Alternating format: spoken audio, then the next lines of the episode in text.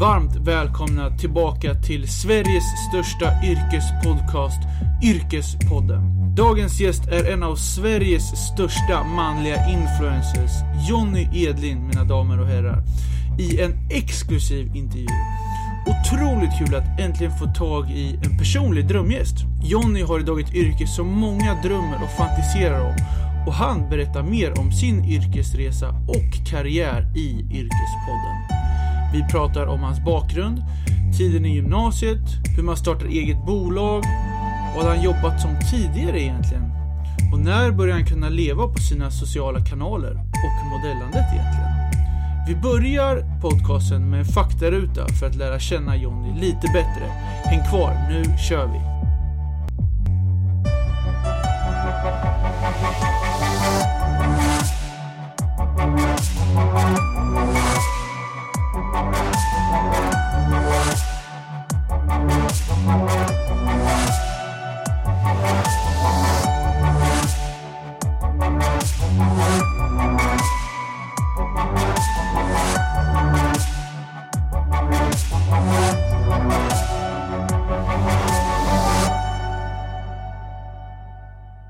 Välkommen till Yrkespodden Jonny. Tack snälla. Hur är läget? Jo, men det är bra. Jag eh, höll på att blåsa bort och frysa ihjäl på vägen hit.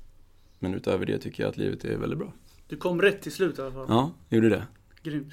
Du, om vi börjar lite så här, vad händer i ditt liv just nu? Ehm, ja, just nu så är det väl lite rörigt för eh, de flesta, inklusive mig, med tanke på coronaviruset.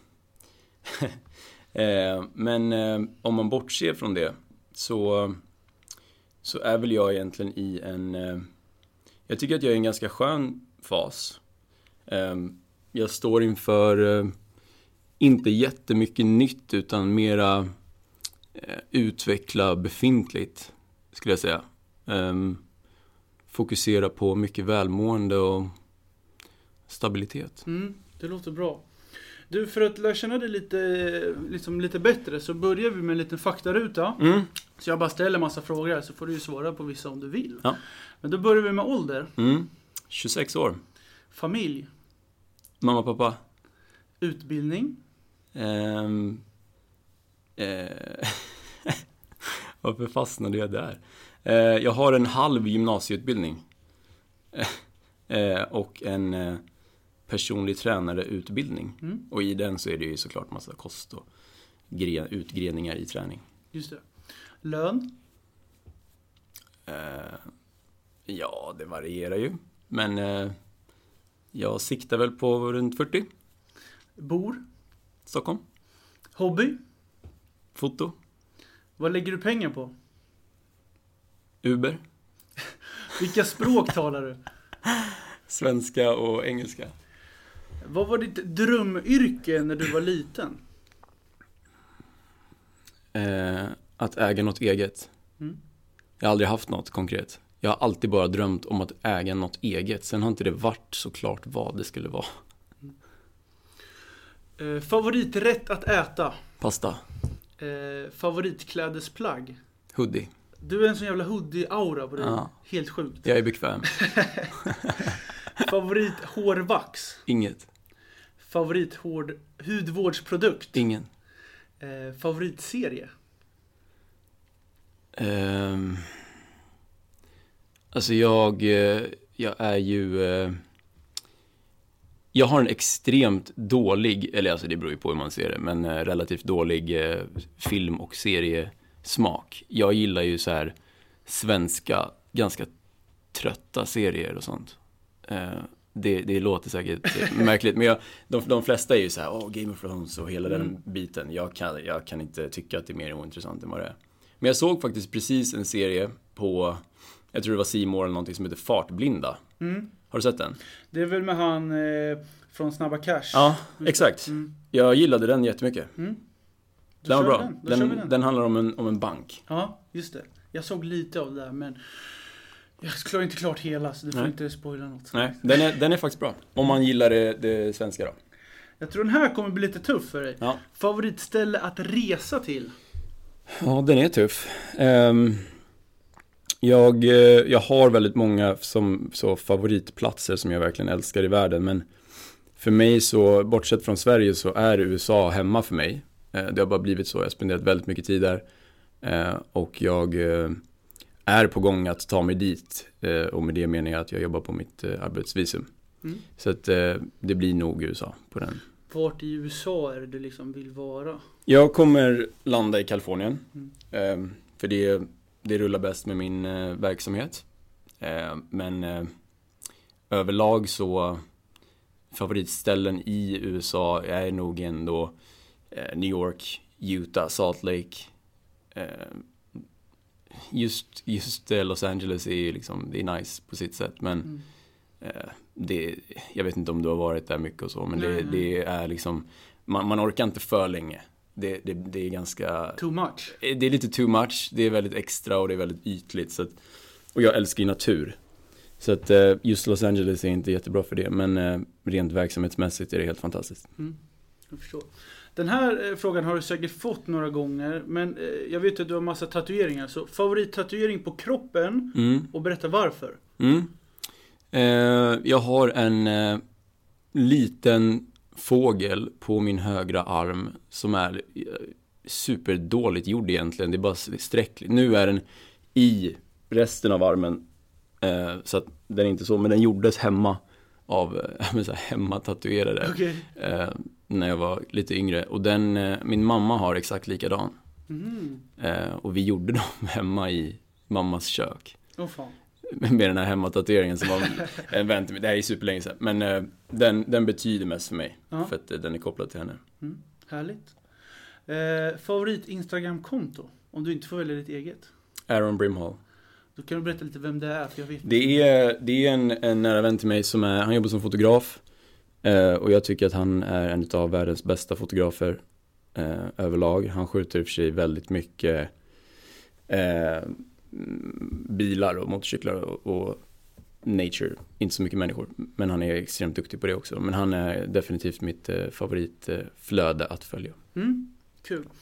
Eh, om vi säger så här då, drömsamarbete. Om du får välja vad du vill. Oatly. Oatly, just det. Vi pratade om det innan.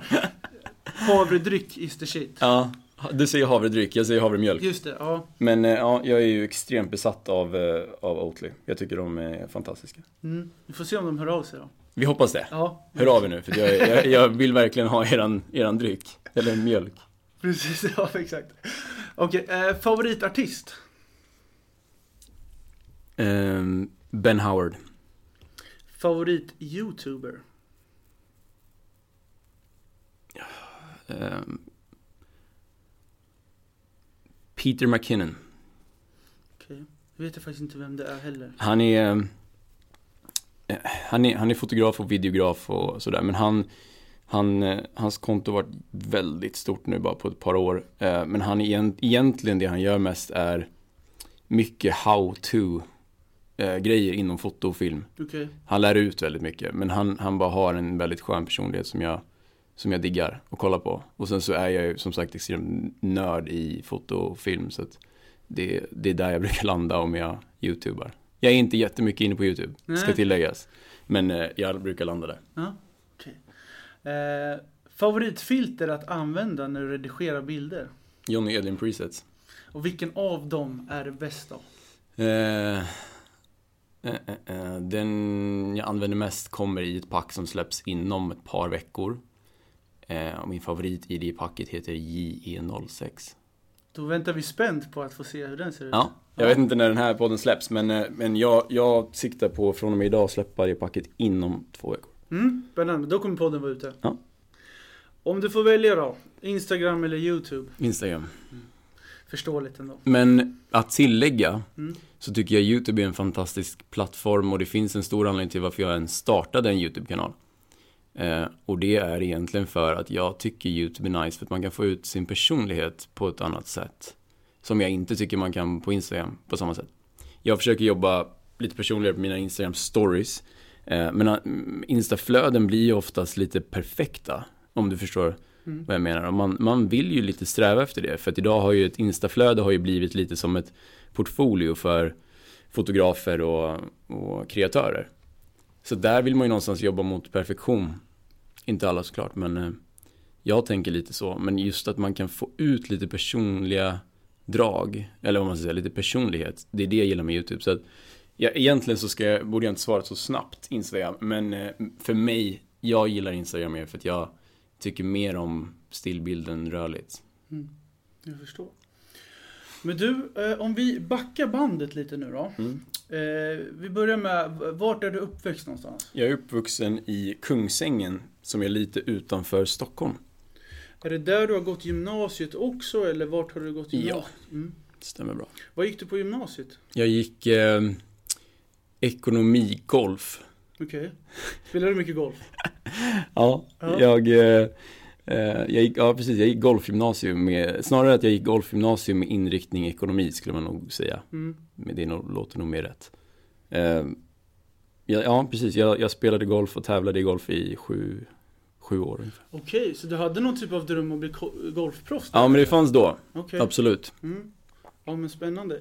Du sa lite, du var inne där på en halv gymnasieutbildning. Mm. Eh, då var jag lite nyfiken där. Tog du studenten eller hur? Nej. Du? Nej, okej. Okay. Eh, nej, precis. Jag hoppade av gymnasiet i två, tvåan. Eller andra ring heter det kanske. Mm. Eh, egentligen av den anledningen att jag bara inte tror på skolsystemet. Det låter säkert lite grovt sagt. Men det, i ärlighetens namn så är det verkligen så. För mig. För mig var det så. Det, det, det funkar inte. Jag, jag kände att jag inte var lagd så och jag har eh, svårigheter med koncentration och eh, jag har säkert massa dyslexi och alla möjliga bokstäver eh, som aldrig har blivit utrett. Men jag hade en väldigt svår skoltid eh, och jag fick aldrig hjälp med det. Och jag tyckte vart jag än vände mig så fick jag inte något stöd i det. Så att eh, jag valde att hoppa av. Jag, jag jag hade den mentaliteten, mentaliteten och, och, och trodde att jag, eh, eller jag trodde på mig själv rent socialt för att kunna få ett jobb. Eh, så att jag tog den chansningen och det gick eh, väldigt bra. Mm. Och när du hoppade av där, eh, sökte du jobb liksom direkt eller fick du jobb eller hur? hur? Ehm, nej, jag tror inte jag hann söka för att jag hade en ingång eh, på, eh, på Björn Borg Okay. Eh, som alltså, jobbar i butik då. Eh, det här var, jag var 17. Så det är snart 10 år sedan. Eh, så att jag började jobba i butik heltid eh, ett tag. Mm. Jag förstår. Men du, du får rätta mig om jag har fel nu, men du har liksom en utbildning inom PT. Mm. Eh, när liksom tog du den? Var, var, det i närheten när du jobbade i butiken eller var det långt efter? Eh, nej, jag jobbade, jag jobbade i butik eh, i något år. Lite mer kanske, i lite olika klädesbutiker. Mm. Eh, sen så någon gång när jag var 18 ungefär, eller ja, 18 och ett halvt, jag vet inte riktigt. Så började jag jobba med, eh, eh, med scenbygge Okay. Eh, alltså, ja men scener som folk, mm. eh, ja du förstår, som folk uppträder på mm. eller pratar på. Eh, så att vi, vi byggde sådana scenmoduler till eh, alla möjliga företag. Men vi byggde superstora grejer. Vi byggde eh, Swedish House Mafia i, i, när de hade mm. sin grej. Eh, I, vad var det, Friends? Friends Arena. Ja, ja, exakt. Vi Den byggde, var jag på faktiskt. Ja. De här tre utsålda, eller vad Ja, precis. Något sånt. vi byggde Rockbjörn, ja men så här, superstora grejer. Så att det höll jag på med i två och ett halvt år och hade en, ja men en fast anställning där då. Eh, eller vad det heter, tillsvidareanställning kanske det heter. Eh, det var supernice. Fortfarande ett av de bästa jobben jag haft. Det var extremt slitsamt. Eh, man var totalt förstörd efter 17.00 liksom. För det är väldigt tungt. Men det är ett sånt jobb som verkligen lärde mig ett och annat om livet och hur det funkar liksom. För det där är, det där är hårt jobb, rakt av. Och jag älskade det. För det, det var liksom, det fick det kändes att man jobbade. Ehm, jag jobbade jättemycket, eh, hade väldigt bra lön. Ehm, det var ingen av mina vänner som hade något sånt. Mm. Folk körde i sina studier, tog studenten och, och mycket människor ville väl bara softa efter det liksom. Så att jag såg väldigt mycket människor i min omkrets där då som, ja men de softade upp till de var 20 liksom efter skolan och, mm. och reste kanske. Många gjorde ju sådana här backpackerresor och... Men jag tog inte det spåret, jag slet. Eh, och det, det gjorde ju att jag hade en, en liksom fullt betald lön Mm. redan vid 18 års ålder. Och hur kom du in på just det här med personlig träning då? Det, jag utbildade mig till det under tiden som jag jobbade som scenbyggare. Mm. Ehm, det tog, den utbildningen höll på, ja men det tog ett tag. Jag minns inte, halvår kanske. Eh, så den gjorde jag på sidan av på helger då. Ehm, extremt långa dagar, men eh, ja, det gick. Ehm, jag tror det var för att jag, för jag tränade på Sats då. Eh, det gör jag i och för sig nu också. Mm. Ehm, och de, jag har alltid haft eh, lite passion för träning. Och de, de var så här, men fan du borde jobba här liksom som Mm. personlig tränare. Jag var så här, men jag har ingen utbildning för det. Så sa de, du borde gå den här liksom, så sen får du jobba här. Så då gjorde jag det. Eh, sen så, i och med det då så, så eh, avskalade jag scenbygget. Jag hade börjat bli väldigt sliten i kroppen och axlar och eh, jag var med om en olycka på det jobbet också där jag nästan slet av min tumme. Fan. Ja, jag fastnade i en borrmaskin så jag slet av hela min sena liksom i tummen så jag var rätt Ja, du kan sliten. inte röra den? Jo, jag kan göra det nu. Ah, men, okej. eh, men hela, hela den senan var av liksom. Okej, ja. Eh, Så att jag var sjukskriven på grund av det ganska länge för att jag kunde inte röra handen liksom. Då var det rätt svårt att ha det jobbet. Ja. Eh, Så att i och med det så vart det att jag slussades över till träningen, började jobba som PT, jag körde det i två, två och ett halvt år. Eh, Det var någon gång, ja men det var någon gång då jag startade mitt företag också via det då. Mm. Ehm, höll på med det. Men sen så parallellt så har jag modellat, jobbat som modell sedan jag var 16 ungefär, Mm. Okej. någonstans. Eh, och det var ändå någonting som jag tyckte om och det, det tog fart någon gång vid, kanske var 21, 22 kanske. Eh, så, så vart jag mer bokad för sånt. Eller jag, jag vet att jag fick en bokning för ett, för ett stort engelskt klädföretag Mm. eh, som eh, ja, men vi sköt en kampanj som, som vart väldigt viral för de, de hade en bra budget och, och de bilderna kom ut i, i tunnelbanor och sånt i England och London och från och med det så såg extremt mycket engelska företag mig då antar jag Mm. eh, och vart, jag vart sönderbokad på engelska brands. Ja. Men hur kom de i kontakt med dig från början där? Alltså, Nej, jag vet inte, men det är förmodligen via Instagram. okej. Eh, för att jag utvecklade någon form av intresse för foto någonstans där i samband med det, 21-22 års ålder typ. Mm, mm. Eh, jag lånade min pappas kamera och började leka med den och sen köpte jag en egen och, och ja. ehm, så att jag var extremt mycket i England i typ två års tid kanske, tre nästan. Eh, så var jag i England typ fyra, fem gånger i månaden och plåta. Ehm, ja, och i och med det så vart det väl fler brands och, och sociala växter för att jag började resa och Ja, jag Ja. förstår. Men du, har du alltid liksom varit intresserad av foto eller är det här liksom kommit nu på senare tid? Nej men det kom. Eh, det, det, det, det kom till mig framförallt någon gång där vid 21-22 års ålder. Eh, jag tror det bara var en kombination av, av allting liksom. Att jag, jag har alltid gillat fashion. Eh, jag började gilla foto. Eh, såg att man kunde kombinera det i bildform just till Instagram för att växa. Det funkade. Mm. Eh, så att det var bara, allting bara föll ihop liksom. Kan man säga.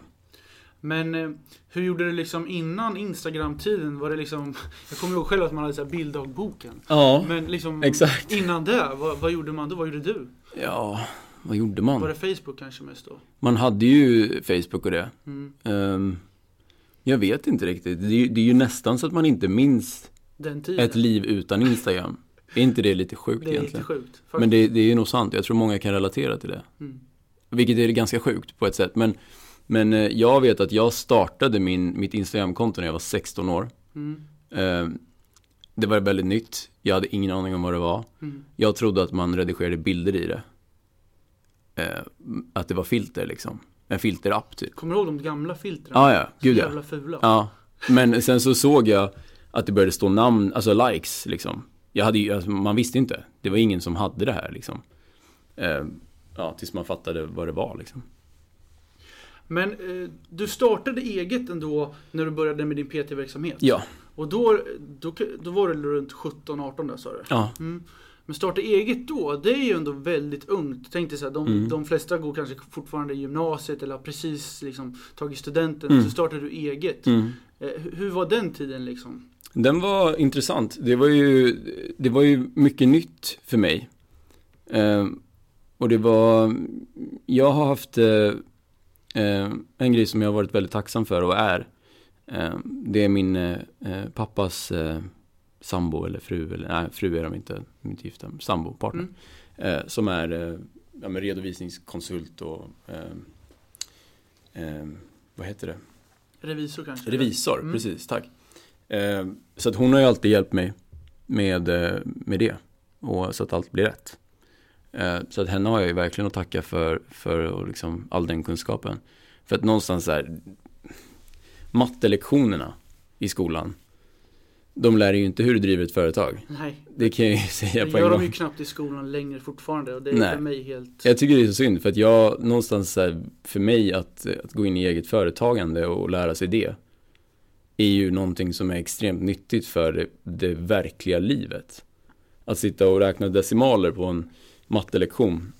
Jag förstår att du kanske behöver det för, för eh, ja, med vidareutbildning om du ska jobba på bank och dylikt. Men har du inte de planerna så är det ju extremt mycket mer lärorikt att, att lära sig sånt i praktiken.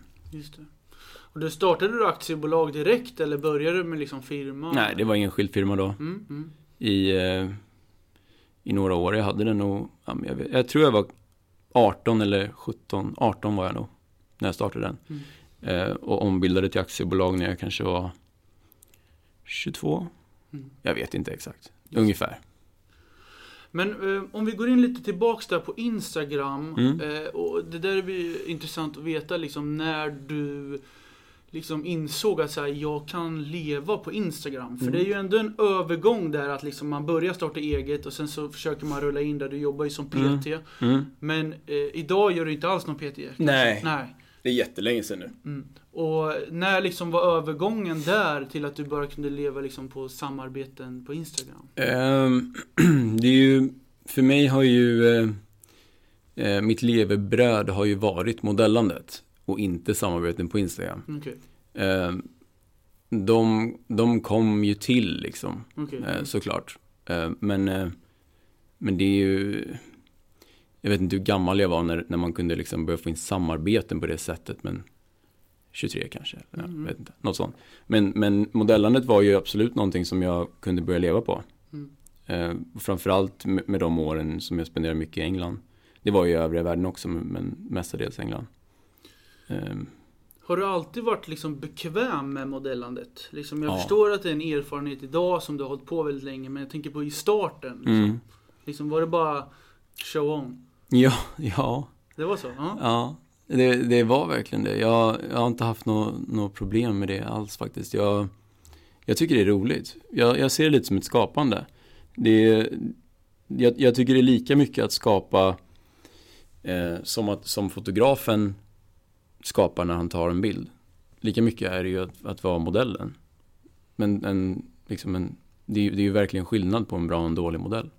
Men om du skulle välja där, du, framför kameran eller bakom kameran. Det är liksom ganska intressant nu när du pratar ja. om att du älskar liksom att redigera bilder och se liksom, ta fotona. Mm. Men står du hellre framför eller står du hellre bakom? Nej, just nu är jag hellre bakom. Och, är det så? Ja, jag gud ja. skulle säga helt tvärtom. Nej, jag har, eh, jag har inte gjort så mycket modelluppdrag nu på, på ett år nästan. Eh, för att jag, jag började ledsna lite. Helt enkelt. Eh, ja men det är nog ungefär ett år som jag, jag har gjort lite grann, väljer liksom någonting som är roligt. Men, men för mig har det blivit eh, mer på senare tiden att jag gillar att komma bakom kameran. Jag gillar att, och börja projektleda och styra lite allt runt om. Eh, att bara stå framför har blivit, ja men inte riktigt lika kul. Helt enkelt. Jag tror det bara blir så. Jag har gjort det länge. Mm. Så det, till slut så blir man lite så här. Det, det, man, man gör det lite på autopilot. Om du förstår. Mm. Då blir det inte lika roligt skapande. På något sätt. Jag gillar det fortfarande men eh, jag gillar det mer nu när jag får göra det lite mer sällan. Då blir det roligt. Okay. Men jag hade, alltså jag hade så mycket plåtningar hela tiden. Så att det blir liksom inte så jäkla kul till slut. Mm. Men eh, ja, jag skulle inte, jag skulle inte bytt. Eh, om man säger så, jag klagar inte på det. Men, eh, men att vara bakom är, är mycket roligare tycker jag nu. Ja. Spännande. Du, det här är ju en sån här fråga som jag är väldigt intresserad av. Men Mm. hur ser liksom en vardag ut för Jonny? Har du liksom några veckorutiner idag? Eller är det helt annorlunda från dag till dag? Eh, nej, jag har ganska, jag har ganska klara rutiner. Ehm, när jag är i Sverige så har jag, har jag rätt bra rutin. Eh, när jag reser så beror det ju helt på. För att det beror ju lite på varför jag reser. Eh, oftast är det ju kanske för, för eh, ja, men ett modelluppdrag eller något, eh, något dylikt. Så där är det svårt att svara på, för de ser alltid olika ut. Men eh, rutinerna i, i Sverige brukar vara, jag går upp 05. Eh, Varje va- dag? Varje morgon. Åh fan. Det är bra. Ja, och då, nu har jag inte gjort det sen jag kom hem från Australien, men eh, i, eh, Lite jetlag kanske, jag vet inte. ja, jag hade, jag hade läge absolut. Eh, jo, men 05 har jag gått upp, men, eh, ja. men i, i januari så, jag och fyra nära vänner till mig formade en eh, 5 am club, fan. som vi döper det till. Och då, basically, vi, vi, vi möttes 05 och så gick vi ner i kanalen vid Karlbergs slott Mm. och badade. Och badade? Vi I körde i, januari? Ja, vi körde isbad Mm. eh, hela januari. Vi hade så här 30 dagars challenge. Eh, så att vi gick ner och satte oss där och isbadade.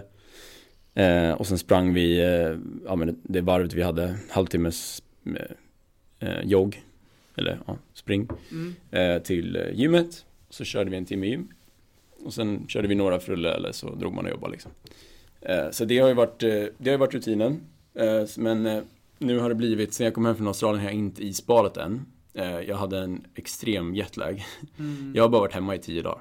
Ja. Så att jag kom ganska nyligen hem. Så att jetlagen har ju typ släppt nu. Eh, men isbaden har bara inte blivit av. Jag var så här. eh, Har du varit i Australien? Nej, jag har inte det. Jag var nere i Bali Mm. och sen så när vi var backpackers som du var lite Ja. inne på. Vi Ja. var ju en typisk sån här backpackergrupp. Ja. Men vi kom aldrig ner till Australien tyvärr. Vi var i, i Bali. Ja, det är helt underbart. Men, men det för ju med sig en ganska jobbig jetlag. Eh, och jag var lite så här. Eh, första veckan var jag snorig och bara kände mig seg. Eh, för att ja, men det är inget konstigt liksom. Det, det är 25 timmars flyg hem liksom. Eh, och då var jag lite så här, fan man kanske ska inte ska bada nu om man, om man kanske blir sjuk och det är coronahets och allt vad det är. Så jag har inte badat faktiskt. Men jag har varit uppe 05 varje dag och kört träning. Eh, så det, ja men det är morgonrutinen. Eh, Eh, upp och, och kör träning till, ja men klar vid sju ungefär. Mm. Eh, sen brukar jag käka frukost och duscha. Eh, sen blir det väl antingen att jag eh, jobbar hemifrån. Eventuellt så går jag till en nära vän som har ett eh, kontor som jag går och sätter mig där. Eh, och jobbar. Och vad gör du då? Är det e-mail, redigera bilder, är det Ja. foto, är det YouTube? Alltså, Det är, framförallt så är det ju mycket admin liksom. Det är mails, det är planering. Eh, och jag har eh, eh, två koordinatorer skulle man kunna säga. Eh, Kim och Nishti. Som eh, hjälper mig med eh, det mesta kan man säga. Eh, så att jag, jag brukar, kanske inte varje dag men nästan så träffar jag upp någon utav dem. Eh, och så sitter vi och planerar, eh, jobbar, sätter, ja, men, sätter strukturer och och säljplaner och allt vad det kan vara. Det är väldigt mycket admin bakom allt som man inte ser. mm. Det är faktiskt mitt näst, min nästa fråga. Ja, Men du kan fortsätta om du hade några mera rutiner där. För det kan ju vara lite intressant. ja nej men alltså det, det är väl något sånt. Eh, eh, jag vet inte, jag hå- håller väl på liksom till kvällen någon gång med det. Eh, eh, och sen så brukar jag väl eh, ja men käka, eh, käka middag någon gång vid 6-7 kanske. Eh, så antingen så hänger jag med någon polare eller så eh, vilar jag bara faktiskt. Så går jag och lägger mig vid 9. Släpper du jobbet någon gång? Eller kan, kan du komma på dig själv att jag sitter och mejlar klockan 23.00? Ja, alltså jag går och lägger mig ganska strikt runt 21 varje dag. Mm. Eh, ja, 22 ibland kanske. Eh, så att, inte så sent, men jag, jag har väldigt svårt att, att släppa jobbet. Det blir, för mig så, för mig är det lite så, det är säkert många som känner igen sig, men, men jobbet är liksom jag och mitt liv. Eh, jag, har, jag, jag, skulle, jag skulle inte säga att jag har ett privatliv. Om du förstår. Det, det är liksom, det, min verksamhet och det jag gör är liksom jag och det är så jag vill ha det. Eh, så att det, det, det är verkligen så jag, jag, tycker om att ha det, men det kan ju också bli Det kan också bli att man blir stressad eh, och, och ja, men, psykisk ohälsa är, är absolut någonting som jag är bekant med. Mm. Eh, så att det, det, är lite fin eh, gräns det där. Men har du liksom själv inställda liksom sociala medier breaks liksom som du känner så att nu ska jag liksom inte sitta eh, vid sociala medier som, som du har liksom inplanerat i schema eller är det någonting som bara kommer? Nej. Nej. Nej, inget sånt. Nej. Det, nej. Jag, alltså, du tänker om jag har breaks att jag inte får gå in och göra något? Ja men typ. Nej, det kan jag inte påstå. Jag har eh, eh, Nishti brukar lägga in vilodagar för mig. Mm. Eh, som innebär eh, egentligen att inte göra så mycket alls. Bara vara typ. För det kan ju bli så här att när du jobbar i liksom den branschen där alla liksom hänger på. Mm. Liksom, du jobbar i liksom influencerbranschen och med Instagram. Mm. Att det blir kanske för mycket till slut. Mm. Alltså att du känner bara jag är trött på skiten. Kan Ja. det bli så? Eller känner du liksom att ändå att du håller uppe motivationen för det är det här som du jobbar med? Ja, mer så skulle jag säga. Mm. Um, alltså jag, jag drivs ju väldigt mycket av att skapa. Eh, vad, som, alltså vad, vad som helst egentligen. Att, att skapa är liksom min morot. Eh, så för mig är det liksom, jag, jag vet inte, jag, jag tröttnar inte för att det om jag, jag, så länge jag får skapa någonting och, och ja, lägga ut det liksom och sprida det. För det är väl någonstans ändå det det går ut på lite grann. Att, eh, alltså, varför följer man folk på sociala kanaler? Det är ju oftast för att man vill bli influerad av den och inspirerad. Och det är det jag tycker är så jäkla kul. Att få inspirera med nya sätt att fota eller så. För det är, det är vanlig feedback jag får att folk tycker om mitt, mitt sätt att skapa. Så det driver mig. Det, det, då gör det liksom att jag, jag blir inte uttråkad på det. Sen att, eh, att sitta och scrolla, det är klart, det kan jag absolut eh, hitta mig själv att jag sitter och bara slöscrollar. Men, och det hade jag lätt kunnat bara ta bort. Men eh, jag vet inte, det är inget som jag ser som ett jätteproblem. Om du skulle kolla din skärmtid liksom på, på, på mobilen. Är den superhög eller är den ganska låg? Den är garanterat hög. Ja. Det, Det är fan bra att det finns en sån där ändå som har Ja. koll. Man blir Ja. nästan skrämd. jag har aldrig kollat. Är det så? Nej. Ja, då måste jag nästan, då måste vi nästan kolla när mickarna är avstängda. Ja, Så det inte blir något kaos. ja exakt. Men du, eh, jag har ju en liten fråga här som är att många drömmer ju om ditt yrke. Många ser, som du var lite inne på förut, att många ser liksom glamouren och din livsstil och Mm. många som liksom vill ha eh, det yrket du gör idag. Mm. Men många kanske inte liksom vet om eh, allting bakom kameran, all planering, all tid. Nej.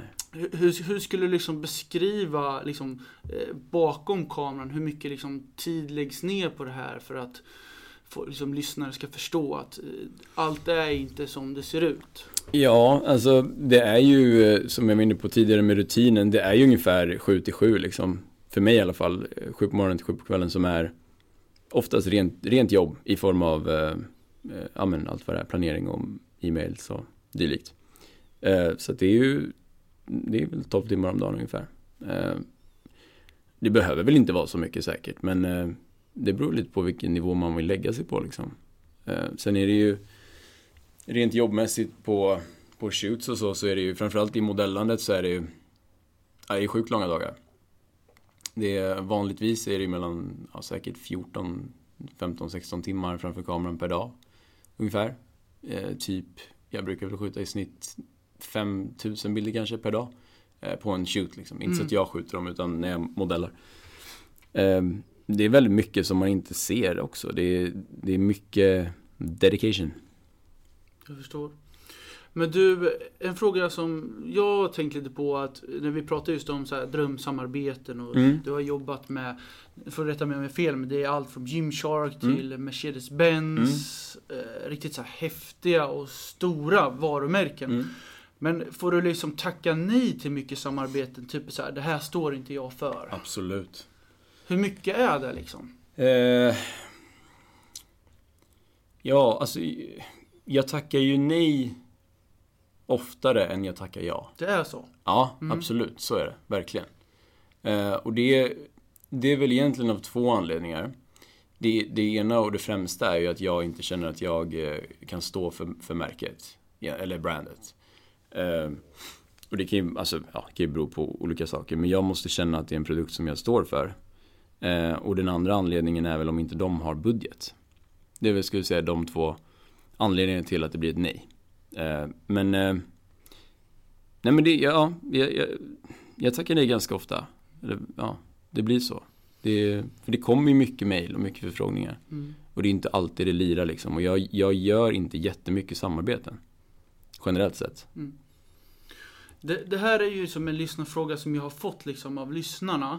Och jag vet att det här kan vara en lite känslig fråga. Ja. Jag vet inte om alla får gå in på det här. Men jag tänkte i alla fall att jag skulle ställa den. Och, för det är många som är nyfikna om liksom, när du tar ett samarbete hur mycket liksom, vi snackar om i betalning. Du, det är helt upp till dig att svara om du vill. Det, det är så olika. Ja. Det, det är verkligen jättesvårt att svara på. Det, det beror helt på vilken fo- typ av jobb det är.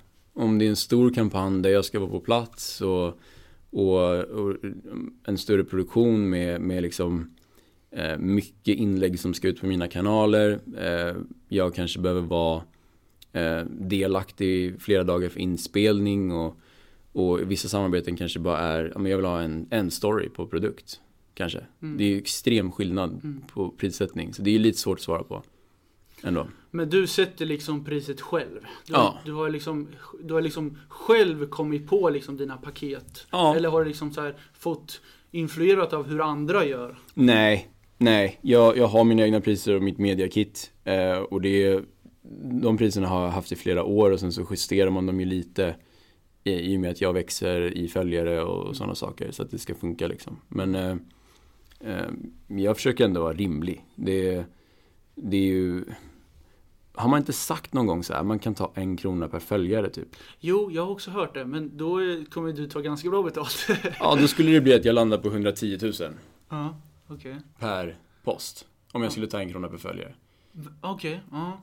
Men för, för grejen är att du som har ändå 1,1 miljoner följare liksom. Mm. Det blir ju ganska dyrt för... eh, Ja.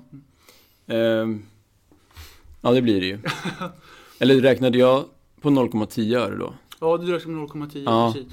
Men vissa säger... Men räknar man på en krona? Det- så jag har hört olika. För jag tänker, det är ju inte, det kan ju inte ens vara Nej men det kan inte vara en krona för då är det ju, då är det ju 1,1 miljoner. Och Det är helt orimligt. Nej, det känns ju helt orimligt. Ja, Eh, Men på tal om det, faktiskt. 1,1 miljoner följare. Det Ja. är ju inte många i Sverige som har så mycket. nej. Eh, Du eh, har ju väl blivit väldigt internationell känd också. Ja. Vad, vad tror du liksom? Hur, hur kommer det sig? Eh, ja men alltså stora anledningar till det är väl framförallt att jag har jobbat med så mycket företag och brands rent alltså i modellandet som är globalt. Eh, och inte jobbat så mycket mot svenska marknaden. Så då har det nog bara blivit så. Det, det är ganska naturligt egentligen. Men, eh, men jag trivs med det. Jag tycker det är, det är roligt. Jag, jag ser ju hellre det, det globala liksom över, över hela världen som min, min arbetsplats Mm. än bara Sverige. Eller hur? Varför begränsa det egentligen? Nej, precis. Det är ju många som är svenska influencers som liksom bara kör på svenska Ja. marknaden. Men helt rätt tänk faktiskt. Det beror på hur man, hur man ser det. Det är ju så här, att bygga upp en stor följarskara som enbart är svensk blir ju såklart starkare eh, för ett företag att jobba med. I och med att då, då kanske de har 500 000 svenska följare och jag kanske har 200 000 svenska fast jag har totalt mycket mer. Förstår du hur jag tänker? Mm, exakt. Då kommer ju de eventuellt sälja mer då eh, på den svenska marknaden än vad jag gör. Det vet man ju inte men det kan ju vara så. Så att det, det är ju absolut inte att undervärdera. Det är ju om man, om man trivs och framförallt om man inte reser så mycket så är det ju jättesmart att rikta in sig på den marknaden där man bor skulle jag säga. Men jag reser så mycket så det, det blir mer naturligt för mig att jobba globalt. På tal om resa, har du liksom alltid tyckt om att resa? Eller är det någonting som har kommit med jobbet? Nej, det kom med jobbet skulle jag säga. Jag reste inte alls speciellt mycket som ung. Ehm, jag, jag kunde nog räkna utlandsresor på en hand upp till jag var 18. Faktiskt. Mm. Ehm, Det kostar att resa. ja, det gör ju det. Ehm, mycket av resorna är ju, eh, eller de, nästan alla är ju i, just i modellandet. Så att eh, det, det ingår ju i mitt jobb liksom. Ehm, så att, ja, men alltså nej, jag har inte rest speciellt mycket. Det kom med jobbet ska jag säga. Och du, du har ju liksom haft Instagram väldigt länge nu, som du sa, du startade liksom när du var 16, första kontot. Mm. Eh, Och idag så har du ju både stor på Instagram, men du startade också en, en YouTube-kanal. Ja. Eh, hur länge har du haft YouTube nu, liksom, en kanal där? Ehm, jag har haft min YouTube-kanal, ska vi tänka till lite här? Ja men, tre år kanske? Kom det liksom naturligt att starta där, eller var det liksom... Ja men ganska. Det, det är som jag var inne på med att jag eh, körde på Instagram och det rullade på bra. Eh, Men jag tyckte att det var svårt att få ut min personlighet. Att visa den. Eh, Och, och det var väldigt mycket människor som jag märkte hade ett intresse av så här, vem är du? Mm. Eh, För att du, du ser ju bilder och det är redigerat och det är lite perfekt och allt vad det är. Men, eh, eh, ja. Och Instagram stories, jag tror inte ens att det var en jättebig deal för typ 3-4 år sedan. Nej. Eller när kom det liksom? Alltså jag tror typ stories kom ju när Snapchat kom. ja, Då var det så här, Instagram måste också köra sina Insta-stories. det kanske var det. Så det fanns ju typ inte riktigt Men det här är ju typ 3-4 år sedan. Mm, det, är inte, exakt. det är inte jättelänge sedan. Nej. Jag kanske har helt fel nu, men jag tror det. Eh, så att jag, jag valde att starta den eh, med eh, framförallt inriktning på vloggar. Mm. Eh, alla bör känna till vad en vlogg är kanske. Jaha, idag, Men, och mina, ja. mina lyssnare känner nog De gör det? Ja, Ja. de gör det. Då behöver vi inte förklara vad en vlogg är. Men, Nej. men det, var, det var i alla fall mitt, min tanke med kanalen. Att liksom köra på vloggarna. Mm. Eh, få en, en skön inblick i, ja, men i, i mitt liv. Lite så. Eh, och det har varit nice. Det, Youtube är extremt krävande. Fruktansvärt krävande. Mm. I, på alla sätt och vis. Rent tidsmässigt men också energimässigt. För att, att filma en vlogg. Det innebär att från jag vaknar på morgonen så är kameran på tills jag går och lägger mig.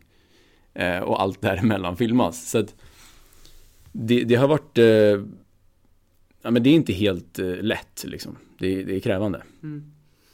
Men när du, är det du som redigerar? Nej. in- Eller du har en? Ja, jag har, precis. Jag har, eh, hittills har jag gjort, eh, ja men i stort sett alla mina klipp med eh, Andreas Goliat. Eh, om du känner till honom, filmkille? Jag, jag, jag följer själv dina vloggar, så Ja. jag vet ju att han är en del av det. Ja, Men jag precis. tänkte om det är alla videos eller är det... Ja men det, det är typ alla. Mm. Skulle jag tro. Jag, jag tror, ja men jag, ser- jag har väl några stycken som han inte har gjort. Mm, Men 90% eh, har han gjort. Mm. Eller ja, vi gjort, men ja, du förstår. Eh, så att jag har ju verkligen honom att tacka för, för det. Han är superduktig. Eh, och han hade inte gjort så mycket vloggar när vi började kanalen. Eh, så att vi, vi startade den lite tillsammans nästan. Kan man säga. Mm. Och han har ju verkligen utvecklats i, i det. Och blivit, blivit riktigt duktig på, på det. Han var duktig film... Editor, vad heter det? Ja, Redigerare. Mm. Eh, men eh, nu har han blivit superduktig. Så att eh, det var roligt men eh, extremt krävande och nu kommer vloggarna avta lite grann. Okej, varför då då? Egentligen mest för att jag jag kände någonstans när jag, när jag spelade in en vlogg så eh, jag, jag började känna att jag tappade eh, det verkliga livet i den stunden. Förstår du vad jag menar? Du kan utveckla. Ja, alltså, se att jag spelar in, eh, eh, jag åker på någon resa och så vloggar vi typ varje dag. Eh, för mig, det blir nästan som att jag minns inte ens vad jag har gjort. Det blir lite så att om jag, fattar mig, om jag fattar rätt här så blir det med att du fokuserar liksom på vad kameran ska se än vad jag själv upplever. Ja, alltså det, exakt, du, du måste ha sån röd tråd i allting du gör, du måste lägga ner så mycket energi i det och jag är extrem perfektionist eh, och, och kan inte bara släppa någonting till, till att jag hoppas att det blir bra, utan det ska vara perfekt och då är det sjukt mycket fokus som krävs. Mm, Så att jag, jag upplevde liksom, och jag framförallt hösten typ 2017, eh, början på 18 så var jag eh, nära på att bli väldigt slutkörd. Eh, jag, jag, jag tror inte på hela det här, jag gick in i väggen. Jag, jag, jag tror inte det finns något som heter så. Mm, För att det, jag tror det sitter i huvudet. mm, mm. Men eh, jag, var, jag var väldigt slut. Eh, och, och kunde liksom så här. Jag, jag hade mycket minnesluckor, jag, jag mindes inte vart jag hade rest liksom. Bara så här, Mm. för två veckor sedan, jag började ingen aning liksom vad jag gjort. Eh, och det var i en period där vi vloggade dagligen. Eh, ja, och allt annat jobb runt om. Så att jag, nu har jag valt att, ja men jag, jag gör någon vlogg någon gång ibland liksom om jag åker på typ en en Mercedes-Benz shoot till exempel, då kör jag en vlogg för att det är roligt liksom. Då kan vi drifta med bilar och sånt. Det är, så här, det är roligt men, men just det här dagliga är, är lite över skulle jag säga. Mm. Tills vidare. Känner du att du har mycket press liksom från dina följare och dina YouTube-prenumeranter att de säger vi vill se dig liksom hela tiden? För du får ju någon typ av Mm, press. det blir ju det. Mm. Eh, Hur hanterar du det? jag gör, hanterar inte det så mycket. Eller alltså jag gör inte så mycket åt den saken. För att jag, framförallt nu och egentligen sen i somras har jag fokuserat extremt mycket på välmående. Eh, och mindre på jobb. Vilket har varit jätteskönt. Eh, behövligt. Men så att jag, jag lägger inte så mycket vikt i det. Jag förstår att de vill ha mer vloggar och så men, men eh, jag kan liksom inte börja styra mitt liv efter det. Det funkar inte riktigt så. Jag förstår. Jag förstår helt. Och jag tror det är helt eh, rätt tänkt. Mm. Eh, jag själv, själv följer ju dina, dina vloggar. Så att jag... Ja, roligt. lite, nej jag skojar. Nej men jag tycker det är jättebra och jag tycker det är häftigt liksom att du får liksom så, så roliga samarbeten med till exempel Mercedes-Benz. Mm. Man är lite bilintresserad också och så Mm. vidare. Extra liksom roligt att se Mm. på. Och sen är det, du har ju en väldigt duktig klippare som, som gör det verkligen väldigt, väldigt bra. Men du, om vi hoppar liksom från YouTube till musik. Mm. Eh, du, eh, nu måste jag fråga, är du signad av någon skivbolag? Inte nu, jag Nej. var. Okej. Men- Eh, jag, jag har varit på Universal Music i, i lite drygt tre år. mm. Eh, eh, vi har precis eh, eh, ja, men, avskalat det, Okej. skulle man kunna säga. Eh, inget konstigt i det egentligen, men så jag, jag är helt själv nu, kan man säga. Men fokuserar jättemycket på musiken. Det vet ju inte riktigt folk. Eh, men eh, men det, det tar ju väldigt mycket av min tid eh, i- Sverige också, att tillägga till rutinerna. Det är väldigt mycket studiesessions. Mm. Men musik då, alltså, har, har du alltid liksom, för du lirar i Gura. Ja, Och har, liksom, har det alltid suttit sen barnspel tänkte jag säga? Men- ja inte riktigt, men sen jag var 15, typ. Mm. Och våga sjunga, det har du liksom alltid Ja. vågat. Ja, alltså det, ja precis. Jo men jag fick en, jag, jag tror det var så att jag fick en gitarr av min morfar eller något liknande. Eh, när jag var, ja men jag tror jag var 15. Och lärde mig bör- börja spela det. Eh, och sen så tror jag bara att jag började sjunga till själv liksom. För att det var ju roligare än att bara spela. Eh, men jag visste inte hur det lät liksom. Och sen så har det väl bara drivits upp liksom. Mm. På något vänster. Vad är dina mål med musiken då? Ehm, jag vill att musiken ska ta en större del i mitt liv. Ehm, och jag ser mig gärna utvecklas till just artist ehm, inom en snar framtid. Och lite grann, eh, inte byta ut, men, eh, men att musiken får mer fokus än just modellandet hade varit eh, riktigt nice. Ser du dig själv på liksom en scen framför 50 000 pers? Och liksom, Absolut. Ja. Ja, gud ja. Fan vad kul, alltså häftigt med sådana här drömmar. ändå. Ja, men stå på scen är bland det bästa jag vet. Jag har, jag har gjort spelningar och jag älskar det. Mm. Det är så jäkla nice. Ja. Har du stått på någon stor scen och pratat någon gång? Ja, jag har ju kört lite så föreläsningar. Mm. Eh, Men det är ju inte så mycket pers på det sättet. Men det är en jävla adrenalinkick bara att stå framför 100-200 pers. Men det är ju härligt. Det är härligt, men vissa kan ju inte hantera det. Nej, gud nej. Jag intervjuade ju Martin Stenmark här för några veckor sedan. Mm. Och han är ju liksom artist, sångare och han sa ju liksom det att han har ju vänner som är betydligt mycket bättre än han på att sjunga. Mm. Men de vågar inte. Nej. Och det gjorde han. Och liksom nu, är Ja. nu är han den han är. Ja. Absolut. Men jag tror också så här, scenskräck är ju typ någonting man har. tror du inte det? det är, alltså de flesta till, tills man eh, tills man vägrar ha det. Mm. Jag, jag, det är klart att det finns de som bara älskar att stå på en scen och synas och så. Jag har, en, jag har liksom inget jättebehov av att, eh, att synas och va, bli hörd och liksom hela den grejen. Jag är den tysta i, i alla sammanhang, nästan. I, i liksom, ser du mig i ett rum med människor så är jag tyst. Liksom. Eh, Så att jag har inte något behov av det, men jag älskar att stå på scen och sjunga. Det är, det är en helt annan grej. Det är, det är riktigt nice. Mm. Kul. På tal om något helt annat då. Eh, Hur tacklar du eh, jobbiga situationer när det kommer till jobb? Det vill säga att det blir, och kanske lite nu som coronatid, att det blir inställda saker, det blir samarbeten som blir avbok eller det blir ombok. Mm. Liksom, hur, hur tacklar du liksom jobbiga situationer? Ehm, jag försöker oftast reda i eh, varför det vart som det vart, lite grann.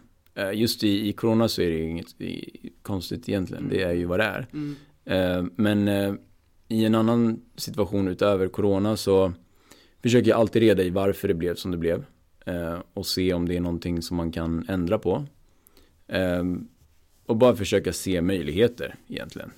Jag tror så länge man håller sig positiv i det negativa så, så blir det inte så farligt. Men jag försöker inte ta så hårt på saker. Det är någonstans, är allting, allting har en mening och jag tror verkligen på det. Eh, Jag, jag är den som, som verkligen tror på det. Eh, Så att, eh, nej, alltså saker händer för att det ska hända lite grann. Jag tror på att allt landar där det ska vara liksom. Mm. Ja, det är min, en av mina sådana mantran liksom. Mm. Så att händer något dåligt så, så försöker jag inte se det som något dåligt utan det, det jag kanske snarare ska tacka det. Mm. Det kunde, det kunde kanske ha lett till något värre om du förstår. Det är långdraget men, men det är en ganska skön mentalitet. Verkligen, jättebra mentalitet. Det är bra att liksom lyssnarna får höra liksom hur du... Mm. Det är väldigt inspirerande. Ja, roligt. Eh, dina framtidsplaner, hur ser de ut? Eh, ja men de är spridda. eh, jag har alla möjliga visioner och mål och drömmar men eh, det som står mig närmst det är väl egentligen musiken och få ut musik. Um, och förhoppningsvis få det att rulla liksom. Um, jag har som jag nämnde tidigare eh, lite planer på att ta mig mot USA. Um, ehm, och det är ju såklart också kopplat till musiken. Det är väl egentligen närmsta liksom två, tre åren kan man säga eller något sånt. Jag, jag vill släppa musik till sommaren. Eh, så får vi se hur det går med det. Men det, är- det är ingenting som jag pressar fram utan det, är- det är alla studio sessions jag har nu, det är liksom det är egentligen bara vibes. Det, det, får man en vibe på något så är det nice och får man ingenting gjort så är det fine liksom. Det finns ingen press från något håll överhuvudtaget utan eh, det blir lite som det blir med det. Men eh, det är absolut ett mål, få musiken att rulla. Men eh, eh, utöver det så är det väl eh, framförallt att få mitt klädmärke att bli större. Mm, just det. Känner du till det? Ja, eh, nu har jag glömt bort namnet men du får jättegärna Ja. ta mig tillbaks. Alton Pursuit heter Alton det. Pursuit. Ja, eh, Vad är det för typ av clothing line? ja men det är ett, eh, det är ett eh, streetwear brand ska jag säga. Just nu så är det en ganska liten kollektion ute. Den släpptes i mitten på november. Mm. Ehm, som består av egentligen t-shirts och hoodies och kepsar. Mm. Så att den är lite, det är, det är mindre släpp liksom i början. Men, eh, men, eh, ja men tio olika eh, items. Mm. Ehm, och nästa släpp kommer i maj. Ja, vad kul. Och du Ja. har någon typ av e-handel för det här eller? Ja, precis. Mm. Det är på webben. Mm. Eh, så det är väl, det, har ju, det tar ju också sjukt mycket av min tid, mitt. Det kan jag tänka mig. Det, det är så mycket Driva en jobb. e-handel tar tid. Ja, Mm. och det, det här är något som jag har jobbat med ganska frekvent i två år. Mm. Eh, så att det, det är så här, man ser, ja men nu släppte han ett klädmärke. Mm. Så tänker man inte mer på det kanske. Mm. För mig är det två års jobb. Mm. Ja, exakt. Och sen nu när du kanske får massa beställningar, vem är det liksom, ska, packar du allting själv? Nej. Har du liksom Nej. anställda eller vad? Jag har, eh, jag har valt att jobba med, med eh, ett företag i Tyskland som har lager, Ja, eh, ja men utskick, hela den biten. smart. Eh, ja, det vart så. Det, det är, jag väljer att tro att, att, eh, att man ska använda människors professioner Mm. lite grann. Jag, jag är duktig på att skapa och, och köra det kreativa men jag är, jag är inte speciellt sugen på en, en lagerhållning och, och utskick och allt vad det innebär. Nej, Liksom. Så att då låter jag hellre någon som har den kunskapen göra det bättre. Liksom. Mm. Eh, så att det, det funkar bra. Men, men eh, jag vill verkligen få det märket att och flyga. Mm. Fan vad kul. Det, då är det bara att köra på liksom. Mm, Mm. precis. Du, vi ska faktiskt eh, avrunda eh, just nu. Mm. Eh, och alla mina gäster i Yrkespodden får ju alltid liksom komma med tre avslutande tips. Ja. Och då vill jag att du ska ge tre avslutande tips till hur man liksom blir en bra influencer, kreatör, Mm. fotograf som liksom jag ser dig som. Mm. Du får ju välja lite själv såklart. Mm. Men det kanske är lyssnare nu som tänker så här, men alltså det här är min dröm. Mm. Jag vill verkligen bli som Jonny. Jag, Mm. Vad ska jag göra? Vad ska jag tänka på? Mm. Så om vi kör tre tips här. Eh, vad skulle liksom tips nummer ett vara?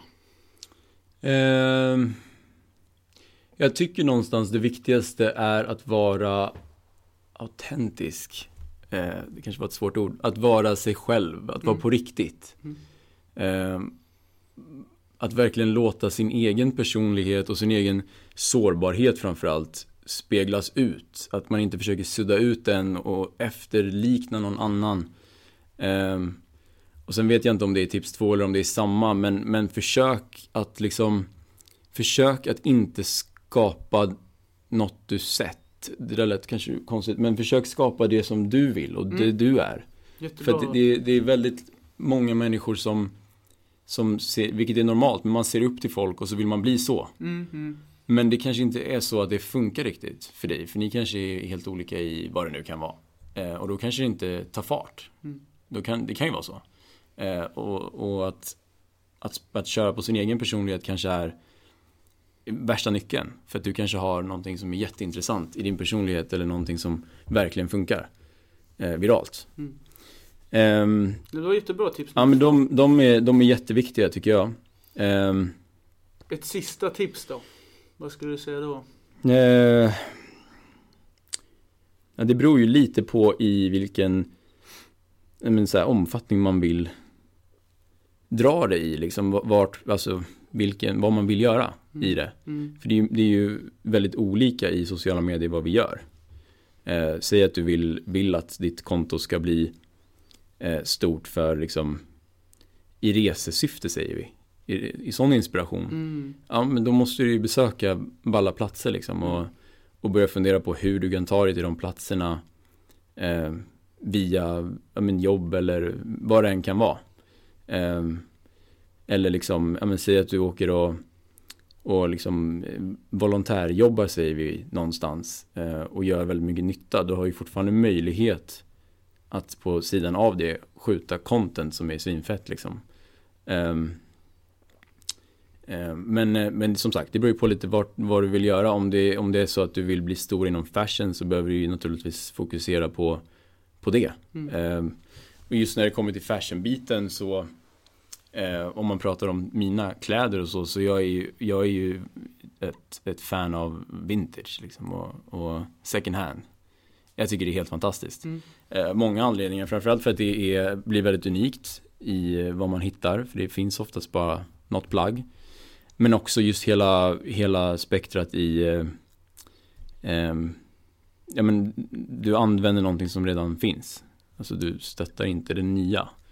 Om du förstår. Rent eh, klimatsmart liksom. Det är klart att jag köper kläder från nya butiker också. Men, Mm. men jag älskar att göra det på det sättet för att det blir unikt och man, man, man bidrar positivt till klimatet. Mm. Eh, Men som sagt, tips tre, lite luddigt kanske. Mm.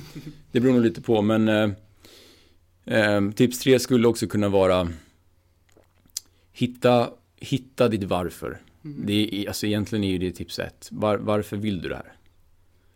För att man måste förstå hur mycket, hur mycket mer det är än vad som syns. Mm. Det är verkligen så, för det, det är liksom det är en hel livsstil. Du, du blir, så är det för mig i alla fall. Jag, jag är det som man ser ut liksom. Helt och hållet. Det finns inget annat. Det man ser är liksom så det är och då, då blir man ju extremt dedikerad. Så man måste nog förstå lite vad man ger sig in i och varför man vill göra det här. För att om man har, om man har, i alla fall min filosofi, om man har inställningen att jag vill göra det här för att bli känd. Eller jag vill göra det här för att det är coolt att ha mycket följare. Jag vill göra det här för att bli rik. Eller något i den stilen. Det är lite fel väg att gå om man frågar mig. Men att, att jag, jag vill göra det här för att jag älskar att skapa. Eller jag älskar att inspirera. Där är du liksom på rätt väg. Mm. Och, och verkligen försöka implementera det på riktigt. Mm. det blir skillnad och man ser det. För det blir, det blir genuint och det blir eh, ja, men, transparent på något sätt. Mm. Om det makes sense. Jag förstår. Det blir på riktigt. Tre superbra tips av Jonny. Du, eh, hur tyckte du det här gick? Ja men jättemysigt. Det är alltid skönt att få komma in och prata lite i värmen. Mm, exakt. Nu när man håller på att blåsa bort där ute i coronastormen. Ja. Nej, men jättekul att du var med i Yrkespodden och återigen eh, tack. Ja men tack, superkul att få vara här. Då säger vi hej då.